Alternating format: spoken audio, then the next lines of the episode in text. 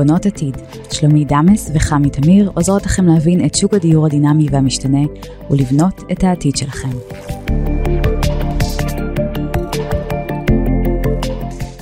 היי שלומית, היי חמי. אנחנו בפרק חדש, והפעם אני זאת שמראיינת אותך. אז יאללה. בונות עתיד. איזה כיף. כן, אנחנו עד היום אירח- אירחנו המון המון אורחים, ושנתנו לנו המון אינפוטים על כל מה שקורה בתחום הדיור, בתחום הנדל"ן, והמון נושאים מעניינים, אבל הנושא המאוד מאוד חשוב והעיקרי זה בעצם איך להתחיל, איך לקנות בית, או לשד, לא להשתדרג, כשאנחנו, אין מה לעשות, כולה, רובנו, בוא נגיד מרביתנו צריכים משכנתאות. נכון. ופה אני מראיינת אותך בתחום, כי זה מאוד מאוד חשוב, ואני אתחיל בשאלה, השאלה שבאמת אני נתקלת בה הכי הרבה. כן. מה עושים קודם? האם מחפשים בית, או שקודם כל מגיעים ליועצת משכנתאות ורואים מה היכולת האמיתית שלנו?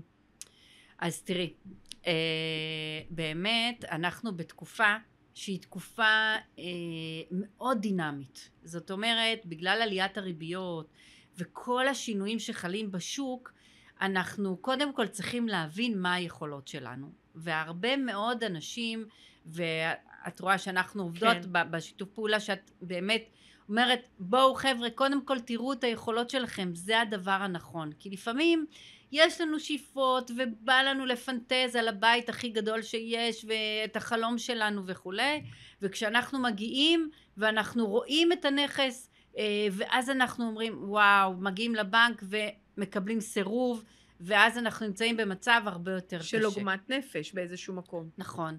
אז אנחנו, אני תמיד ממליצה, קודם כל, בטח ובטח בימים האלה, לבוא ולבדוק קודם כל את המצב הקיים. אנחנו מסתכלים על תלושי השכר, על ההתנהלות בכלל, מה היכולות. לפעמים יש לקוחות שמשלמים שכירות שהיא שבע אלף שקל, וואלכ, במקום לשלם שכירות שבע אלף שקל, בואו נשלם משכנתה, נכון. ואולי פחות, ולחיות, ולהמשיך לחיות את אותה רמת חיים. ויש אנשים שמשלמים שכירות שלושת אלפים שקל, ופתאום צריכים לעלות למשכנתה של שבע אלף שקל, האם זה בכלל נכון להם? אז קודם כל אני בוחנת ומסתכלת על, ה, על ההתנהלות של האנשים, לא רק על, על המשכורת. לפעמים במשכורות הם יכולים לעשות משכנתאות מטורפות. שאלה אם זה נכון עבורם? אולי יש לי ארבעה ילדים בבית שצריך אה, לגדל אותם? הרי כשאנחנו לוקחים משכנתה, אנחנו לא לוקחים משכנתה ליום או יומיים, אנחנו לוקחים את זה ל-20 שלושים שנה. שנה? ומעלה, והבנתי שגם אפשר עכשיו למתוח ל-40 שנה. תלוי, את כן. המשכנתה. בהלוואות חוץ בנקאיות הם מגיעים גם ל-40 שנה, אבל בבנקים אנחנו מגיעים ל-30 שנה, אה, ובאמת זה לא הסתכלות על השנה הקרובה, גם מבחינת ההחזר החודשי זה לא הסתכלות על השנה הקרובה, כי ההחזר החודשי משתנה, ואנחנו צריכים להסתכל קדימה ולראות לאיפה ההחזר החודשי יכול להגיע, מה שהבנקים לא נוטים להגיד לנו. אנחנו צריכים להסתכל עד איפה ההחזר יכול להגיע ואם אנחנו יכולים להתמודד איתו. נכון. תראי מה קרה לאנשים שלא חשבו שלא חשבו. על מה קורה למשכנתאות ומה יקרה שההחזר יעלה והיום הם בקרייסס, הם ב...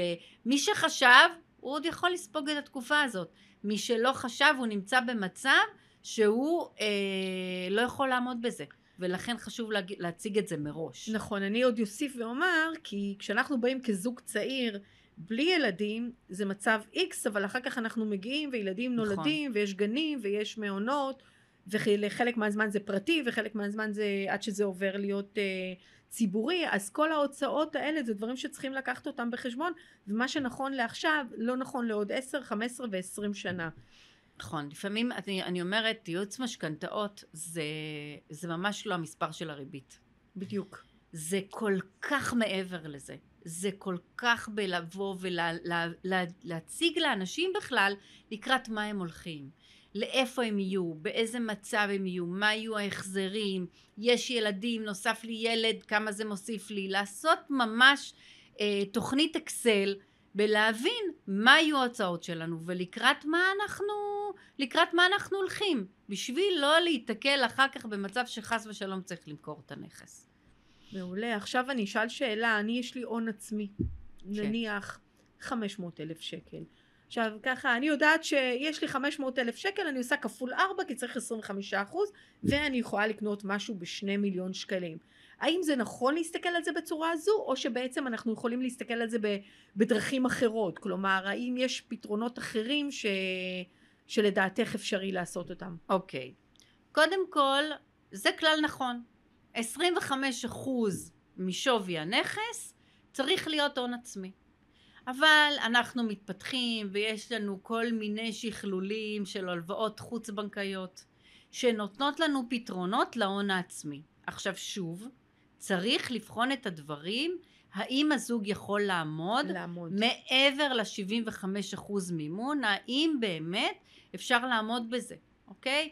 לפעמים באים לי סמנכ"לים של חברות עם הכנסות באמת של 50-60 אלף שקל בחודש, לא יהיה להם בעיה, אבל את ההון העצמי אין להם, אז אני מוצאת להם פתרונות לתקופת זמן קצרה אה, של הלוואות חוץ בנקאיות שמאפשרות להם כן להגיע לנכסים, בדרך כלל מדובר במשפרי דיור, כן להגיע לנכסים שהם היו רוצים להגיע להם אה, ולקנות אותם. אבל שוב, אני מדגישה ואומרת, יש פתרונות, ניתן להגיע ליותר מ-75% מימון, רק שימו לב שיהיה אפשר לעמוד בהלוואות גם זה וגם בזה. בהחלט, בהחזרים זה הדבר החשוב ביותר. עכשיו, מה ההבדל בין מישהו שכבר יש לו משכנתה והוא בעצם הופך להיות משפר דיור לבין מי שבעצם לוקח משכנתה פעם ראשונה?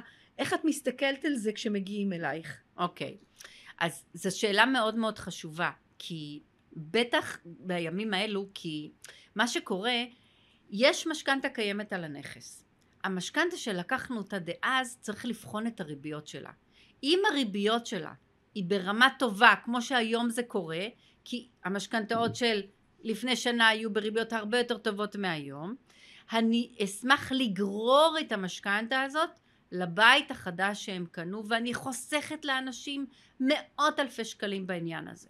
רק צריך לזכור שגרירה זה מה שנקרא לקחת אותה עם כל הנידוניה שלה. זאת אומרת, גם ההחזר החודשי, גם השנים, את הכל אני גוררת בדיוק כמו שהיא לבית החדש. ואז מה אני צריכה לבחון? אני צריכה לבחון האם גרירה פלוס תוספת לא מהווה לי בעיה בהחזר החודשי שזה כבד מדי. יכול להיות שאפשר לא לגרור את הכל, אפשר לגרור גם חלק, אוקיי? צריך לשים לב איך אפשר לגרור, אבל כן, במיוחד היום לשים לב שניתן לגרור משכנתאות, המשכנתאות של לפני שנה או שנתיים או שלוש הן משכנתאות בריביות מצוינות על ידי הגרירה, הבנקים לא כל כך אוהבים גרירה כי זה לא כסף חדש, אבל אנחנו מכריחים אותם. בנק לא יכול לסרב לגרירה. שימו חשוב. לב לזה. שזה חשוב. גם אם לקוח היה בעייתי והעניין האשראי שלו לא מאפשר לו לקחת משכנתה נוספת, הבנק חייב, על פי הוראות בנק ישראל, לגרור את המשכנתה הקיימת. שימו לב לזה, הרבה פעמים לקוחות, אני מצילה אותם מלהישאר ללא נכס בזה שאני מצליחה לגרור להם את המשכנתה לבית החדש. בימים אלו יש לי לקוחות שבאמת זה כל כך חשוב שבן אדם לא יישאר ללא נכס, מוכרים את הנכס, מקטינים את שווי הנכס, זאת אומרת קונים נכס זול יותר בשביל לשפר את המצב האשראי שלהם, אבל גררנו משכנתה וקנינו נכס, וזה דבר מאוד מאוד מאוד חשוב. נהדר, זה חשוב לדעת את הנקודה הזאתי, כי כן. הרבה, הרבה אנשים לא יודעים את זה ואני נתקלת בזה, אני מרגישה את זה ביום יום, שאנשים פשוט לא יודעים את הדבר הזה שהוא מאוד מאוד חשוב. אני רוצה לשאול אותך עוד משהו, היום יש לי משכנתה ולקחתי אותה בתקופה של ריביות אה, שהן לא היו כל כך טובות והיום אני רוצה למחזר אותן. Okay. אוקיי. איך אני עושה את זה? איך אני ניגשת לזה? אז אה, נושא המחזורים הוא נושא אקטואלי גם להיום, תמיד הוא אקטואלי, אנחנו צריכים תמיד כשאנחנו לוקחים משכנתה כל שנתיים שלוש לבדוק את היתרות של המשכנתה. אני אומרת לך שללקוחות שלי אני כל פעם בודקת וחוזרת ומסתכלת ביחס למה שעשינו, האם הריביות טובות יותר ואפשר למחזר. אז מה זה בעצם מחזור? מחזור זה בעצם לקחת הלוואה חדשה ולכסות את ההלוואה הקיימת. מחזור ניתן לעשות אותה באותו בנק שעשינו את ההלוואה, וניתן גם לקחת בנק אחר ולמחזר את ההלוואה הקיימת, אוקיי? כאשר אני עושה אותה באותו בנק, אני יכולה לעשות את זה כמחזור פנימי ולא למחזר את כל ההלוואה. למה אני מדגישה ואומרת? היום למשל, לקחנו היום הלוואה שהריביות בש... במסלולים האחרים הן טובות והריביות בפריים קפצו בצורה קפצו מטורפת. משמעותית, כן. אני יכולה למחזר רק את מסלול הפריים, אוקיי? ולהפוך אותו להלוואה אחרת. דרך אגב, הפריים הוא ללא קנסות ואני יכולה למחזר אותו מתי שאני רוצה. מעולה. למחזר את זה להלוואה אחרת. להוריד את ההחזרים החודשיים ולסדר את ההלוואה הזאתי. זה סוג של מחזור, בדרך כלל אפשר לעשות את זה גם כמחזור פנימי. יש בנקים שאני יכולה לעשות את זה כדרגה שנייה ולמחזר במחזור חיצוני. מבלי להיות חייבת לאותו בנק. זה גם כן דברים חדשים שנכנסים עכשיו לשוק ופותחים בפנינו המון דברים. אז זה מחזור לשפר את המצב הקיים וצריך כל כמה שנים לבדוק האם אנחנו יכולות לשפר ולהביא את המשכנתה למצב טוב יותר ממה ששלם פחות לבנקים. טוב, זה נהדר וטוב לדעת את זה. כן. הרבה אנשים גם את זה לדעתי לא יודעים. הם. פוחדים מהמחזור, כמה יעלה לי, איך יעלה לי, אבל תמיד צריך להסתכל על לונגרן. להסתכל ולראות איך זה משפר אותי בעתיד. אנחנו כל הזמן במקצה שיפורים. נכון. אני אשאל אותך שאלה נוספת. עד לא מזמן בעצם יכולתי לקחת אה, משכנתה על הנכס הקיים שלי ובעצם למנף אותו לטובת רכישה של נכס חדש. עצרו את זה, הפסיקו את זה. נכון. איך היום אני יכולה למנף דירה שיש לי או כסף שיש לי כדי לקנות נכס נוסף? איך אני עושה את זה? אוקיי, אז באמת אחד מהדרכים שבנק ישראל רצה לעצור את המשקיעים בלקנות נכסים שזה נוספים, טעות. שזו טעות, הוא חשב, עובדה? ש... עובדה שזה לא עובד, זה לא עובד. הוא רצה לעצור את המשקיעים בלקנות אה, נכסים נוספים, ואז נכנסו לשוק הרבה מאוד מהחברות החוץ-בנקאיות, שעליהם אין את הרגולטור, ואפשר לשעבד נכס קיים. אז אני יכולה לומר לכם שיש הרבה חברות, אני לא אציין את שמם כי יש כל כך הרבה, ואני אה, שוחה ומ- ומכירה את כל אחת מהחברות ואת היתרונות שלה. כי לכל חברה יש את היתרונות שלה. כמו כל דבר. כן, איך לדעת לשים משכנתה על הנכס הקיים, ולפעמים אפילו אם יש משכנתה על הנכס הקיים ואני רוצה להוסיף משכנתה נוספת, בדרגה שנייה אני יכולה להכניס את החברה החוץ בנקאית ואיתה למנף ולקנות את הנכס החדש שאני רוצה. את הנכס החדש אני כמובן יכולה לעשות משכנתה בבנק, הוא נקי ממשכנתה, אני יכולה לעשות אותה איפה שאני רוצה, אוקיי? אז זאת אומרת אפשר היום אה, למנף את הנכסים הקיימים, זה לא ירד מהשוק, הריביות בחוץ בנקאיות הולכות ויורדות, יש תחרות בין החברות, אז אנחנו כבר רואים את הריביות שהן כבר לא רחוקות מהריביות של מהריביות הבנקים, של הבנקים, כן. ואפשר לעשות דברים, ומההיכרות ומהמשא ומתן שאני עושה בין החברות, מגיעים לדברים נפלאים ששווים את ההשקעה. שזה נהדר. אנחנו, אם כבר אנחנו נוגעים בהלוואות חוץ בנקאיות, אה, די נגעת בזה עכשיו, בקטע של בעצם אה, למנף נכון. את הנכסים, כלומר לקנות כסף, לקנות כסף כדי לקנות אה, נכסים. עכשיו הריביות גם כן נגעת בהם ואמרת בעצם שהריביות לאט לאט במשאים ומתנים יורדים ובעצם מאפשרים כמעט לכל אדם מהשורה ולאו דווקא למשקיעים ודווקא לאנשים אחרים אה, לקנות. אה, איך, איך אני ניגשת לזה? איך אני, כאילו, הרבה פעמים זה קצת מפחיד, כאילו, מי החברות האלה? נכון. קודם כל כן, אה, צריך לשים לב עם איזה חברה אנחנו מתעסקים, ולכן אה, צריך לחפש את האנשים המומחים שיודעים באמת אה, להכיר את החברות ולדעת איזה חברה ומי עומד מאחורי החברה הזאת, אה, על מנת שלא להיתקע, אוקיי? אבל כשאת לוקחת הלוואה, בעצם את אה, חייבת להם, לא הם חייבים לך. אז זה פחות מדאיג אותנו, זאת אומרת זה פחות, אה, לא, לא שמה את הכסף שלי בהשקעה, אלא אני לקחתי כספים. מצד שני... אלא אם כן את משעבדת את הבית הקיים שלך, מה שדיברנו קודם, ואז זה כן אה, חשוף לסיכון. נכון, אה, אבל אנחנו כן צריכים לבחון את החברות שאיתן אנחנו מתעסקים. אה, יש אה, חברות שהן אה, מאוד ממוסדות, דרך אגב, חברות הביטוח, כלל, מנורה, הראל, נותנים, נותנים אה, הלוואות ומשכנתאות, שבואו, חברות באמת לא משהו שלא מוכר, שאפשר באמת אה, להתעסק איתם ללא חשש, אה, ובאמת אה, להצליח למנף את הזה. אני יכולה להגיד לך שיש לי גם משקיעים בחו"ל, אוקיי? שקונים נכסים, באמת עשינו פרק על רכיש, רכישות בחו"ל, כן. שאנחנו ממנפים את הנכסים הקיימים, לוקחים הלוואות לכל מטרה, ובעצם קונים את הנכסים בחו"ל, שאם פה אנחנו מדברים על ריביות חד ספרתיות של 4, 5, 6 אחוז, אנחנו מגיעים שם לתשואה דו ספרתית, ש... שוואו אפשר לעשות פה בכ... לא בהרבה כסף רווחים טובים. טובים. צריך כמובן לדעת עם מי לעשות את זה, אבל uh, לכל מקצוע אנחנו צריכים את המומחים שלו, אבל זה אפשרי. וב לדעת לפזר את הסיכונים, לפזר את ההשקעות שלנו בין כמה וכמה גורמים, בכמה. גם פה בארץ, גם בחו"ל, אולי גם בהשקעות uh, בשוק ההון, וכולי. עכשיו נתקלתי גם uh, הרבה פעמים באנשים מבוגרים ש... מש...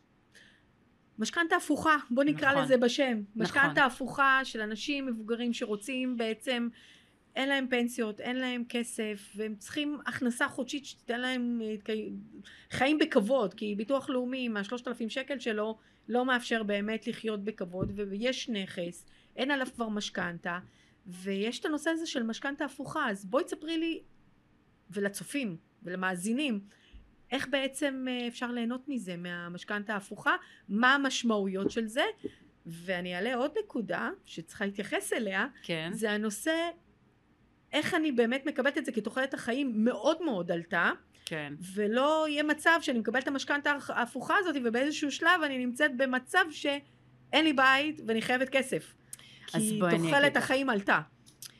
את נוגעת בנקודה אה, מאוד מאוד מאוד אקטואלית ורגישה, כי אני יותר ויותר אה, צופה ו- ו- ומגיעים אליי לקוחות מהגיל השלישי, שבאמת אה, רוצים לחיות טוב, אה, לא היה להם פנסיות, לא דאגו לפנסיות, אה, אז לא היה חובה לפריש פנסיה, ואין את הפנסיות, וחיים על האלפיים, שלושת אלפים שקל של ביטוח לאומי, וזה באמת יוצר מצבים לא נעימים בלחיות אה, זה, אבל יש להם נכס.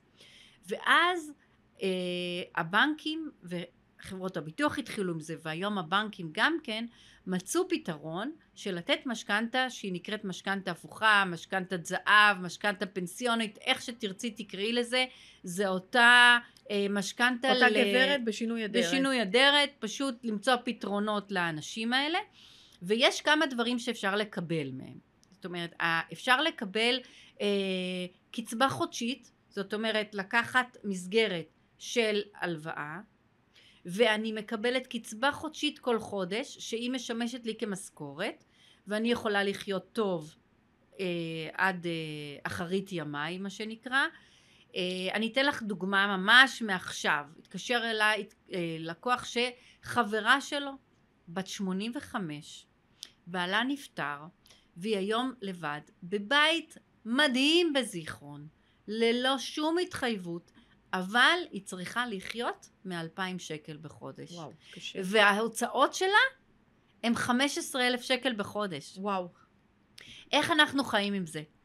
Uh, מספיק שהיא צריכה לעשות שיניים, והיא צריכה לשלם ארנונה, וחשמל, ולתחזק את הבית, ולעשות, ההוצאות שלה מגיעות ל-15 אלף שקל. היא מתחילה את החודש ב-13 אלף שקל מינוס, אם היא מקבלת את ה-2,000 שקל, עכשיו, ו-15 אלף שקל הוצאות זה וואו. עכשיו, אותו חבר שמכיר אותי אמר לה, רגע, רגע, זה לא יכול להיות שיש לך בית כזה, ואת לא מסוגלת לחיות. ואז הוא הפנה אותה אליי, ואני ראיינתי אותה, והבנתי במה מדובר. ויש לנו נכס ששווה בסביבות ה-6 מיליון שקל, שהיא חיה בו, היא לא תמכור אותו עכשיו כי היא לא באה לה לעזוב בית בגיל 85, כי יש לה את כל הזיכרונות ואת הדברים שלה שם, אבל אפשר לקחת מסגרת אשראי של מיליון שקל על הבית הזה, ולקבל את הקצבה החודשית שהיא תחיה בחיים טובים עד גיל 120. הרעיון ששאלת על הנקודה אם אני אשאר בלי נכס בכלל, כן, כי הריביות או איך זה, עולות. זה. יש פחד כזה שהריביות עולות מצד אחד, אז, תוחלת החיים עולה מצד שני, ולקחתי הלוואה. ואני ו- אשאר... וזה כסף שצריך להחזיר אותו. אז תראי, קודם כל, הבנקים, בואי, בינינו לא טיפשים. והם עובדים, גם לא חברות הביטוח, הם עובדים על טבלה מאוד מסודרת לפי הגיל. זאת אומרת, ככל שהגיל יותר מתקדם, אני יכולה לקבל אחוז מימון יותר. גבוה, גבוה על הנכס. והבחורה הזאת, בת 85, היא יכולה לקבל עד 42.2 אחוז על הנכס. זאת אומרת שגם אם היא לקחה את כל ה-40 אחוז האלו, אף פעם היא לא... הבנק הרי דואג שיישאר לו נכס, הרי אם הוא חס ושלום צריך לממש, צריך שיישאר לו נכס, שמשהו...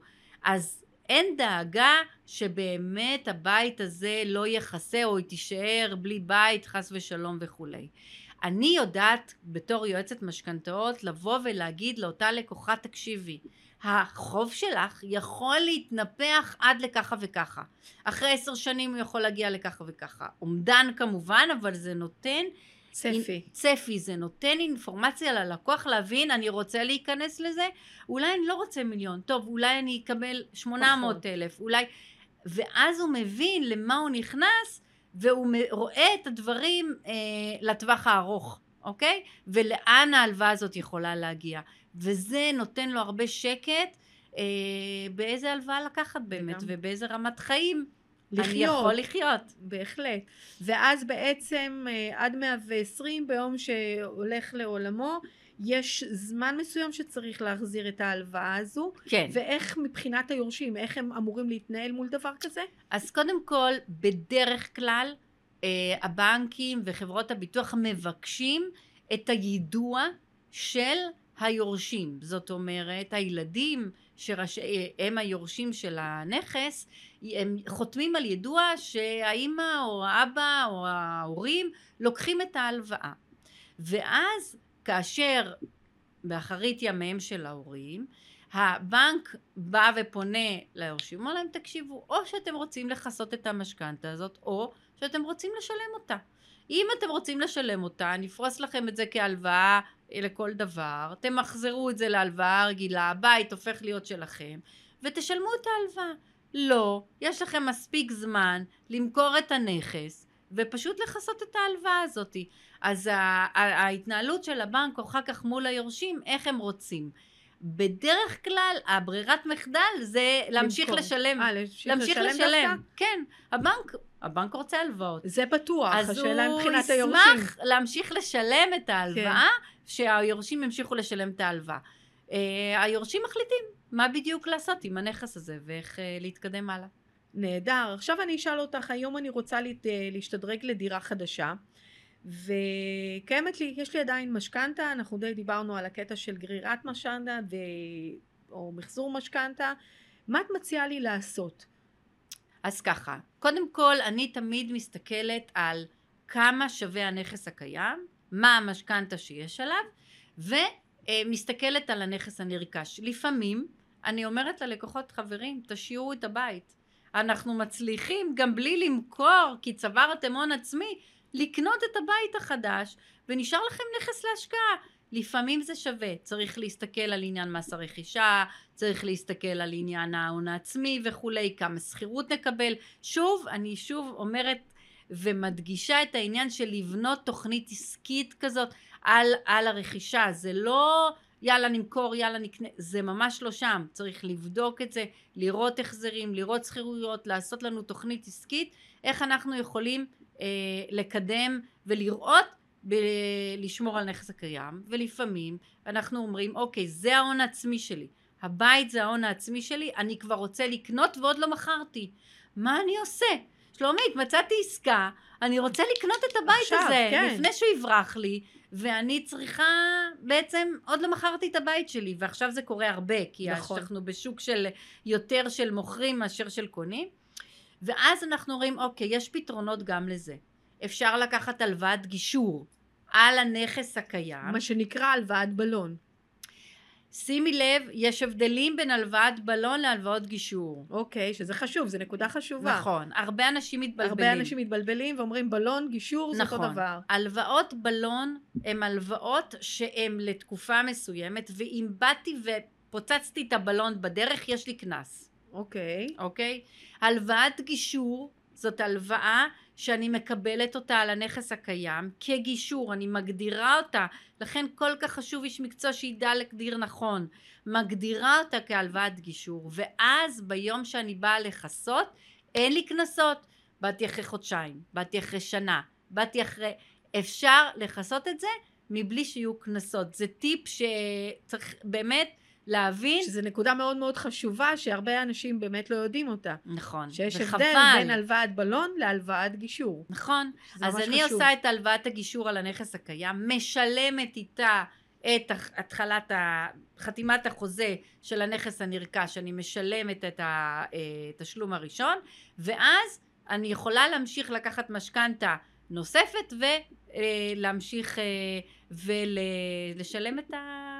את הנכס הנרכש. שוב, תוכנית, לבנות תוכנית. תוכנית נכונה, ואפשר למצוא פתרונות לכל דבר. נהדר. עכשיו אני אשאל, איך בעצם הבנק מתייחס לבין, לשכירים שבאים לקחת משכנתה לבין מי שבעלי עסק עצמאי? איזה שאלה, שאלה מצוינת. שאלה קשה, אה? לא, היא שאלה טובה. למה היא שאלה טובה? כי ברגע שאתה שכיר, אתה מביא שלושה חודשים אחרונים, ואם אתה מביא חודשים הבונוסים והזה, אז וואלכ, מאשרים לך משכנתה מסוימת, ואם אתה בא בחודשים פחות טובים, אז מאשרים לך משכנתה מסוימת. אז אני יודעת לבוא ולהסתכל ולאבחן אה, שכיר ולבדוק לאיזה בנק להגיש אותו, אוקיי? יש בנקים שמסתכלים על פי מצטברים ומסתכלים על כל השנה ווואו איזה הכנסה מעולה יש ללקוח כי מסתכלים על כל השנה. שנה שלמה. ויש בנקים שמסתכלים רק את השלושה חודשים האחרונים ושם הוא לא יאושר ובבנק אחר הוא כן יאושר ולכן אני יודעת באמת לה, להגיד ללקוח אוקיי אנחנו נעשה את המשכנתה בבנק הזה לאו דווקא בגלל הריבית אלא בגלל שהוא יאשר לנו את מה שאנחנו באמת רוצים לאשר זה מבחינת שכיר מבחינת עצמאי מסתכלים על שלוש שנים אחורנית וואה. אוקיי? לכן מאוד חשוב להבין. עכשיו, יש בנקים שמסתכלים שלוש שנים, יש בנקים שמסתכלים רק על השנה האחרונה המלאה. למשל, עכשיו הסתכלו על 2022, ואם הייתה לי 2022 טובה, זה הזמן. ואם אני יודעת שאני הולכת לקחת משכנתה, אני אכין את הרואה חשבון שלי, ואני אגיד לו, חמוד, אני צריכה דוחות של, שיאפשרו לי באמת לקבל משכנתה כזאת וכזאת. מה לעשות, זוהי מדינתנו ואנחנו צריכים להכין את עצמנו כעצמאי לקבלת משכנתה, אוקיי? זאת אומרת, גם פה הדוחות הם מאוד מאוד חשובים, איך להכין את משמעותית, המשכנתה. כן, ש- שזה דבר מאוד מאוד משמעותי. עכשיו, יש, אה, יש כל מיני סוגים של משכנתאות. יש משכנתה שאני לוקחת לקניית בית רגיל, יש משכנתה שאני צריכה לקנות קרקע, אה, מגרשים, שזה תחום אחר לגמרי, שזה שפה אחרת לגמרי, נכון. ויש משכנתאות שהן משכנתאות מסחריות. את יכולה ככה לגעת ככה בנקודות בכל אחת מהמשכנתאות? וואו, זו תורה אה, בפני עצמה. אני אה, באמת אגע אה, ב... נראה לי שכל מהדברים. אחד מהדברים האלה צריך להיות פרק בפני עצמו. הפרק בפני עצמו. אה, האמת היא שבאמת, אה, את יודעת, כשעבדתי במזרחי טפחות, יצא לי להכיר כל אחד מהדברים, אז באמת זה עולם בפני עצמו. אבל בואו נסביר. אם כאשר אני קונה, הולכת לבנייה, ואנשים מאוד חוששים לפעמים מבנייה, איך אני אעשה, גם לרכוש את הקרקע ואחר כך בנייה וכולי, גם פה ליוויתי פרויקטים שלמים של בנייה, אם זה פרדסיה ותל מונד ומקומות שבאמת רכשנו קודם כל את הקרקע, את הקרקע ולאחר מכן בנינו, זה ליווי של כמה שנים קדימה, אבל עשינו את הכל ואפשר לעשות את זה מצוין, בדרך כלל זה טוב למשפרי דיור ולא לדירה ראשונה. כי יש כבר את ההון העצמי, יש משהו שאפשר להתחיל איתו. כן, גם אני יכולה לעשות גישורים על הנכס הקיים, ואז קנינו את הקרקע, ואז הגענו להיתרים, ועדיין יש לי בית שאני חי בו, ואחר כך אני מוכר אותו ומשלם את כספי הבנייה. אה, אז זה כן, זה הרבה יותר נוח למשפרי דיור. אה, בנוסף לזה, אה, הלוואות באמת של המסחרי, היום למשל אני מלווה קבוצת רכישה של משרדים, ניתן לקנות היום משרדים, החברות היום מקבלות הלוואות ל-30 שנה לרכישת משרד, אפשר לשעבד את המשרדים שקונים אותם, אה, ממש לאחרונה עשיתי אה, הלוואה של רופא שקנה את הקליניקה שהוא שכר אותה והוא רצה כבר לקנות אותה אז עשינו הלוואה ל-30 שנה לקניית הקליניקה, יש המון המון דברים שהיום משכנתאות נפתחו לעולם המסחרי ואפשר לקבל ריביות טובות בפריסה ארוכה שכן מאפשר לי לקנות את המשרדים או את המקומות אה, המסחריים שאנחנו רוצים אה, להגיע אליהם. אני רק רוצה רגע לחזור אחורה, ברגע שאני קונה קרקע ואני קונה, ואני בעצם מתחילה לבנות, איך בעצם הולכת המשכנתה במצב הזה? כלומר, קרקע יש לה את העלות שלה, כן. ואחר כך הבנייה הרי היא מתפרסת על אה, לפחות אה, שנתיים, אם זה בית פרטי, בוא נגיד ככה, אז תראי, שאתה בונה לבד. אנחנו צריכים להבין שעל קרקע ניתן לקבל, אם זה משפר דיור, זאת אומרת שיש לו בית קיים וקונה כן. את הקרקע, יכול לקבל עד 70 אחוז מערך הקרקע, אנשים לפעמים חושבים 60 וכולי, לא, אפשר לאשר 70 אחוז מערך הקרקע. לאחר מכן להיתרים אני צריכה הון עצמי, אוקיי? לכל היועצים וכולי זה לא מקבלים על זה משכנתה. כן, כי זה אדריכלים, אדריכלים, אה, אגרות לכל מיני, לעיריות כן. וכולי. כן. לדברים האלה אנחנו לא מקבלים כסף, לכן אני בונה את זה בצורה כזאת שההון העצמי אני שומרת אותו לשם, קונה את המגרש ב-70% מימון, ואז אני אה, יוצאת לבנייה, כאשר יוצאים לבנייה, גם על הבנייה אפשר לקבל 70 אחוז, אבל שימו לב מה קרה, כשהגעתי לבנייה ערך הקרקע כבר עלה, עלה. ואני יכולה לקבל כמעט את כל הבנייה, ב, ב, ב, על, את כל ערך הבנייה, לא רק ה-70 אחוז, כי כבר הקרקע כבר עלתה. אז שוב, צריך לבדוק, ואנחנו אה, מצליחים לעשות פה את, את הבנייה, לפי התקדמות הבנייה משחררים את הכספים. זה ליווי ארוך, אבל זה ליווי מאוד מאוד משמעותי, לבנות אותו נכון, ולסיים באמת את הנכס, לא עם לשון בחוץ, אלא באמת לסיים אותו שגמרנו אותו כמו שצריך. זה נהדר. אני רוצה לגעת, אם אנחנו כבר מדברים על בנייה, אה, קניתי בית מקבלן. עכשיו אנחנו יודעים שיש המון פרסומות שמדברות על 20% לשלם בקניית הדירה ואחר כך 80% בסוף.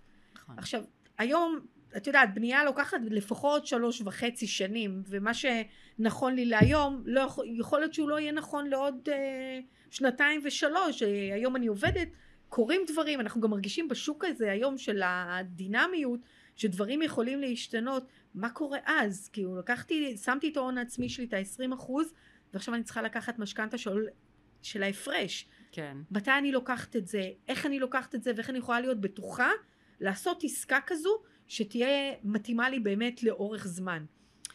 שני טיפים. שני טיפים שאני רוצה לתת על השאלה הזאת. קודם כל, אם יש לי 20 ו-80, אני אתן את ה-20 אני אחשוב אה, אה, איך אני יכולה כן לקחת אפילו מאה אלף שקל מהמשכנתה בשביל להיות בטוחה כי ברגע שלקחתי סכום קטן מהמשכנתה, המשכנתה נכנסה לתהליך ניהול, כבר לא בודקים אשראי, כבר לא בודקים אם אני עובד או לא עובד, ואם אחרי שלוש שנים פתאום אני לא עובד, ואז אני צריך לקחת את המשכנתה, אני לא נתקל בבעיה. זה מוריד חוסר ודאות, זה נותן חשוב. לי שקט נפשי, אישרתי את זה, לקחתי, אני רגועה, נכון, אני משלם על המאה אלף שקל האלה, אבל 500 שקל בחודש, אני קונה שקט נפשי שבעוד שלוש שנים יהיה לי משכנתה. זה דבר אחד. הטיפ השני שאני אה, רוצה שאנשים ישימו לב כשהם קונים נכס כזה שרק בעוד שלוש שנים אה, לא, אה, צריכים לשלם את היתרה זה עניין הנושא של מדד תשומות הבנייה. מדד תשומות הבנייה עבר חשוב, שינוי כן. חקיקה ובאמת היום אנחנו מחויבים על מדד רק על 40 אחוז מה, מהערך הנכס, מערך הדירה. אה, ולכן עדיין צריך לשים לב בשנה האחרונה מדד תשומות הבנייה עלה בצורה מטורפת. הוא ממשיך לטפס ולעלות. שימו לב להשאיר כסף ליום שאתם מקבלים את הנכס יבקשו מכם עוד 50 עוד 30 עוד 40 אלף שקל אפילו 100 שהם יהיו אה, על מדד תשומות הבנייה ולפעמים אני לא שוכחת את היום שעבדתי בבנק ובא לי לקוח אחרי שלוש שנים והוא פתאום רצה להיכנס לבית ולא נתנו לו והוא פרפר בשביל 60 אלף שקל ריחמתי על הבן אדם, הוא פשוט הזיע. אני באמת אה, אומרת, שימו לב לעניין הזה, תמיד תשמרו לסוף. דרך, בשלוש שנים האלה תחסכו בצד, תשימו עוד קצת, עוד קצת, עוד קצת, בשביל שיהיה לנו כסף לכניסה ושלא ניתקע שלא בעניין הזה. נמצא את עצמנו בהפתעות. שאלה נוספת, אני רוצה להעלות את הנושא של הדירה בהנחה, מחיר למשתכן. אה, איך, איך עושים את זה? יש לי הון מסוים, הדירה עוד חמש שנים, שלוש שנים, ארבע שנים, זה בעצם, כמו שדיברנו קודם, של ה-20-80, איך אני בתור זוג צעיר שאמורה לשלם גם שכירות, כי אין מה לעשות, בינתיים גרים בשכירות, אלא אם כן התמזל מזלי ויש לבית של, להורים שלי בית מאוד מאוד גדול עם יחידה בחצר ואני יכולה לגור שם בינתיים או לגור אצל ההורים, אבל בואו, מרבית האנשים זה לא קורה. מרבית האנשים משלמים שכירות וצריכים בשלב מסוים למצוא את עצמם גם משלמים משכנתה. איך את ניגשת לזה? איך מתכננים את זה?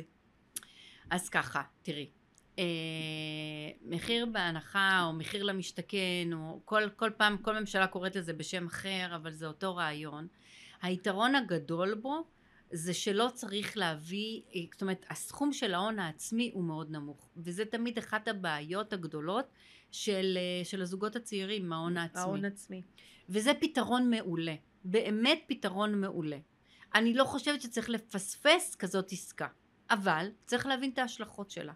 ולכן גם עם זוג שמגיע אליי והוא לוקח, נכנס והוא אומר לי כן לקנות, מה לחתום, איזה מחיר לחתום, על כמה אני יכול להגיע בהגרלה וכולי, אני יושבת איתו ובונה איתו תכנית עסקית קדימה, אתם הולכים לגור בשכירות, אתם תלכו לגור אצל ההורים, אתם, יש, יהיו לכם ככה וככה ילדים, מה אנחנו הולכים, באיזה אזור מגורים אתם רוצים להיות בשנים האלה, כל הדברים האלה אנחנו מחשבים אותם ובמחיר למשתכן צריך להבין שזה לא 20-80 זאת אומרת יש לנו בדרך יש את מדד לא, לא רק המדד יש לנו המכר, תשלומים. חוק המכר. יש תשלומים כל שלושה ארבעה חודשים נכון. אז 10% מהבית עוד 10% מהבית ואז צריך לשלם גם שכירות וגם וגם חלק מהמשכנתה צריך לראות איך בונים את זה. אז אולי משלמים רק ריביות בינתיים.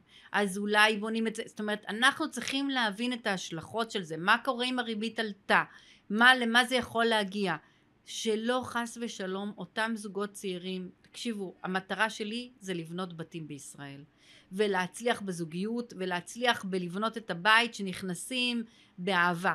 ולא להגיע למצבים שאותם אה, על המשכנתאות ואותם הלוואות וכולי מביאים לסכסוכים ולמצבים ולמתחים שבואו אנחנו לא רוצים להיות שם. אז אם נתכנן את זה נכון ואותם זוגות ייכנסו עם תוכנית מסודרת מה הולך לקרות להם בעתיד לא נגיע לבעיות האלה.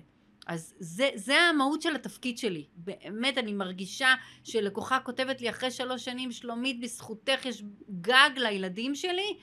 וואו עשיתי עשיתי את כל מה שאני, את השליחות זה. הגדולה שלי זה בעבודה. הכיף הכי גדול שמקבלים. את התודעה הזאת של וואו יש לי בית וואו אני חי חיים טובים נכון. עכשיו אם נכון. אנחנו כבר מדברים על הזוגות הצעירים אז יש את הנושא של אה, ההורים שבאים כערבים או כלווים נוספים איפה אנחנו מוצאים את זה ואיך אנחנו וואו. את מכניסה את כל הפרקים בפרק אחד. לגמרי אני אגיד לך יותר מזה יש את יודעת אה, בזמנו יכולת לקחת אה, משכנתה על הבית שלך כדי לעזור לילד אחד אבל אה, לרוב- מה לעשות אנחנו יש לנו יותר מילד אחד נכון. יש שתיים שלושה ארבעה למי נותנים מה אז זה- אני אסביר בקצרה, יש לנו פרק שלם על זה, אבל אני אסביר בקצרה שניתן הורים שרוצים לעזור לילדים, כי ההון העצמי היום צריך להיות גבוה, צריך להיות 200-300 אלף שקל אה, בשביל לקנות דירה הכי פשוטה שיש. נכון אז לכן אנחנו צריכים לחשוב נכון גם בעניין הזה,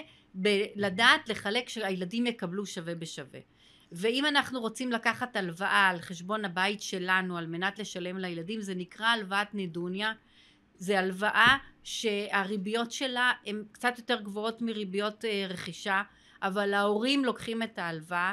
אפשר שהילדים ישלמו את ההלוואה הזאת ולא ההורים כי הילדים אפשר לשים אותם ערבים משלמים והם ישלמו את ההלוואה הזאת. אפשר לעשות שהילדים הם הלווים ורק ההורים הם משכנים את הנכס.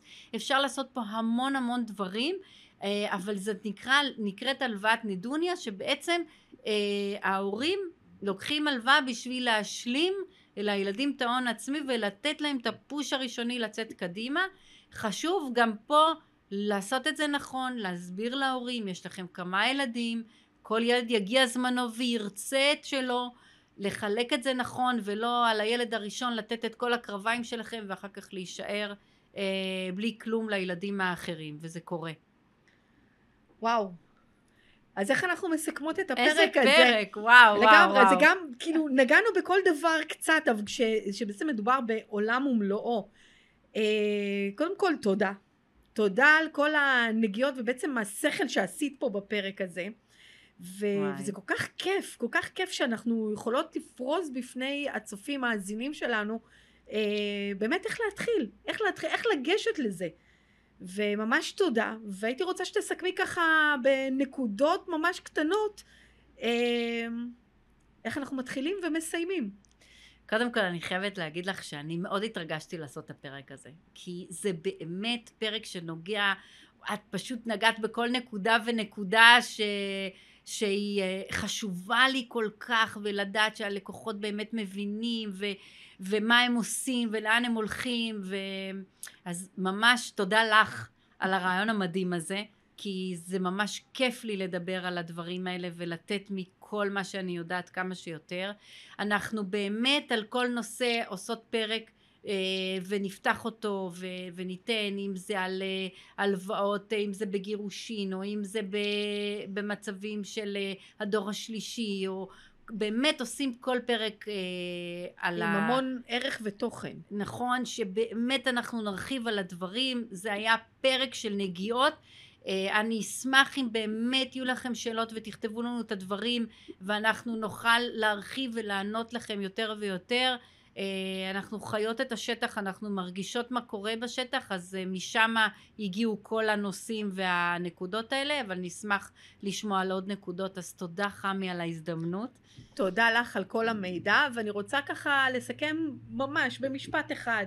לפני שאתם מתחילים, לפ... כשרק הרעיון עולה, בואו, קחו יועץ משכנ- משכנתאות, שבו איתו או איתה, בעצם תקבלו מידע אמיתי על המצב שלכם, כי אנחנו לא מתכננים למחר בבוקר, אנחנו מתכננים 30 שנה קדימה, ומה שנכון להיום צריך להיות נכון לשלושים שנה הקרובות. אז קחו לכם יועץ, קחו לכם איש מקצוע לכל מהלך שאתם עושים. תודה רבה, תודה רבה שלומית. וואי בכיף תודה לך חמי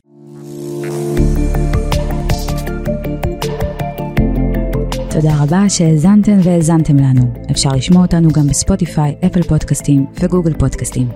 אם אהבתם את הפרק, אנא דרגו אותנו בחמישה כוכבים באפליקציה בה אתם מאזינים, ושתפו את הפרק לפחות לחבר או חברה אחת שיהנו ממנו. זה יעזור לנו להפיק עבורכם עוד תוכן. אם יש לכם רעיונות לפרקים נוספים, או לנושאים שתרצו שנדבר עליהם, צרו איתנו קשר.